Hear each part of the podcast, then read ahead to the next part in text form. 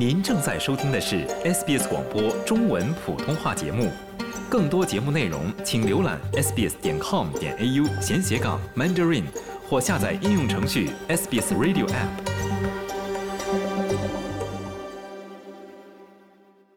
圣诞节前，澳大利亚零售协会预计，因生活成本压力攀升，澳大利亚人将在这个圣诞减少购买礼物的预算。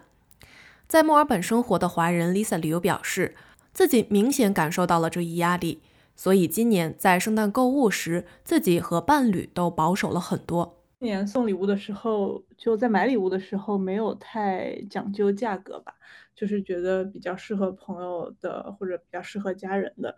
就直接下单了。但是今年的话，就是我跟我的男朋友已经约定好了，啊，我们在 Boxing Day 的时候出去。再选圣诞礼物，互相送给对方，就觉得这样子会比较省钱。而 Lisa 的选择并非孤立，在接受澳大利亚联邦银行调查的消费者中，一千零四名受访者中有百分之四十九表示自己计划在十二月二十六日的 Boxing Day 促销活动时购物。相比近三年的数据，今年希望在圣诞节后打折促销时购物的人数最多。二零二二年时，只有百分之四十二的人表示他们会在 Boxing Day 打折时购物，而二零二一年则只有百分之四十。这一现象符合澳大利亚金融服务公司 AMP 首席经济学家奥利弗的观点：人们对促销的渴望反映了糟糕的经济环境。当人们家庭经济不景气的时候，他们就会选择打折促销活动。人们会说：“我以前不会太管打折与否。”而现在，我只想买到更划算的商品，我也只会在打折时进行消费，所以他们会比以往更注重促销活动。Lisa 说，以往自己在圣诞节时买的礼物总是很不实用，而今年她会为减少家庭在未来的整体开支，选择送男朋友的礼物。跟我男朋友的话，主要是考虑实用性吧，因为我觉得我们两个人在一起已经蛮久了，所以现在送礼物都主要是想要送。对方真正会用的东西，对，就不想要浪费钱，就是买了两件衣服，然后加在一起也是应该就是一百多刀的样子。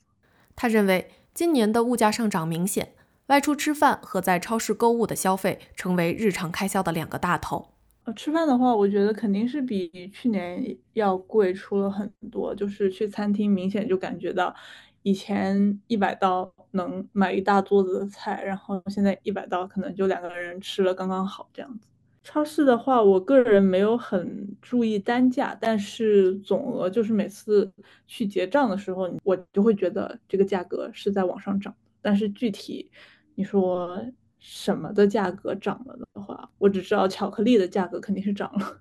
因为巧克力的包装越来越小，但是价格越来越高。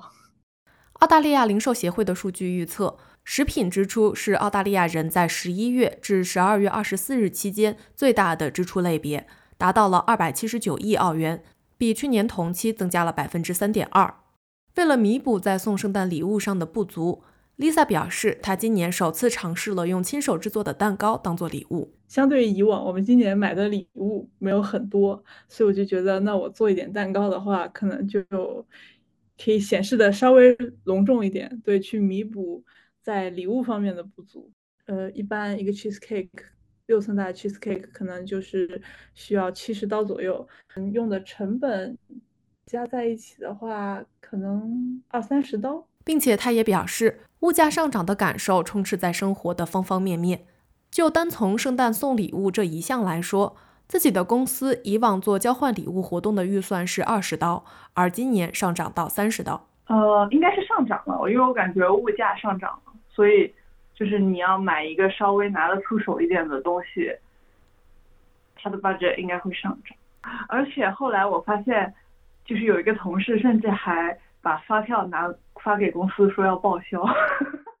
但更多的受访华人表示，自己虽然能感受到生活成本压力的增加。但圣诞节作为一年中最隆重的节日，购买礼物让朋友开心比价格更重要。差跟往年来讲差不多。我觉得每年圣诞的礼物都大差不差。嗯，你送出的礼物既不能太贵，因为太贵了也会给别人压力。相比以往，董春露表示自己会考虑和朋友的亲疏远近，从而控制在购买礼物上的整体预算。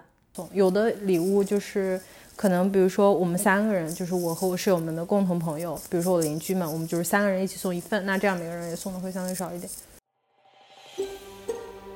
想听到更多这样的故事吗？您可以通过苹果播客谷歌播客 spotify 或者您喜爱的方式下载收听。